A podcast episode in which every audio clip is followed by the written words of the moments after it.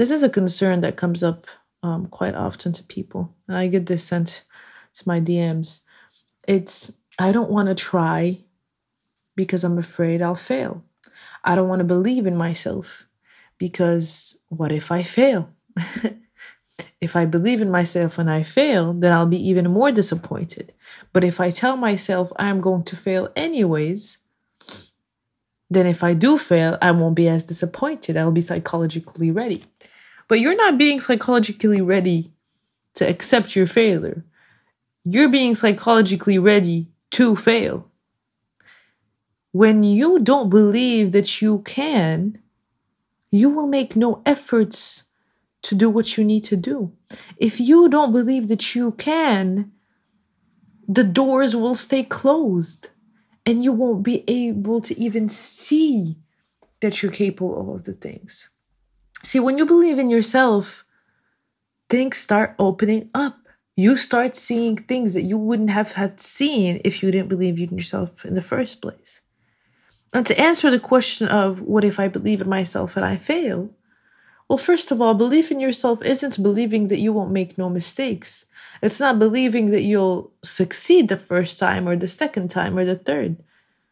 Believing in yourself is believing that you'll keep trying. It's believing that you have the right mindset to take any mistake and failures and turn them to lessons to better yourself. That's believing in yourself. It's not believing that you're perfect.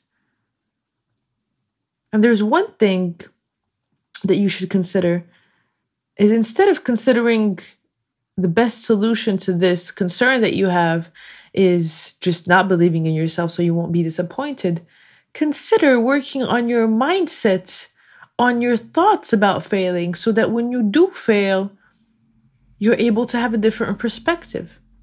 Maybe that should be your concern. And I hope a lot of people change their perception of things and their perspective because stop being so afraid of doing good things that are for you. I feel like a lot of self limiting beliefs come from the fear of doing well because initially we don't believe we deserve good things. We believe things are too good to be for us. And I know I have, I know I have this this kind of thought process from time to time, and I'm constantly trying to beat it. We have to keep telling ourselves that we deserve good things, that we deserve to live the best life that we can possibly have, that we deserve to have opportunities come to us. We deserve to achieve great things and build great relationships, and we deserve to be happy.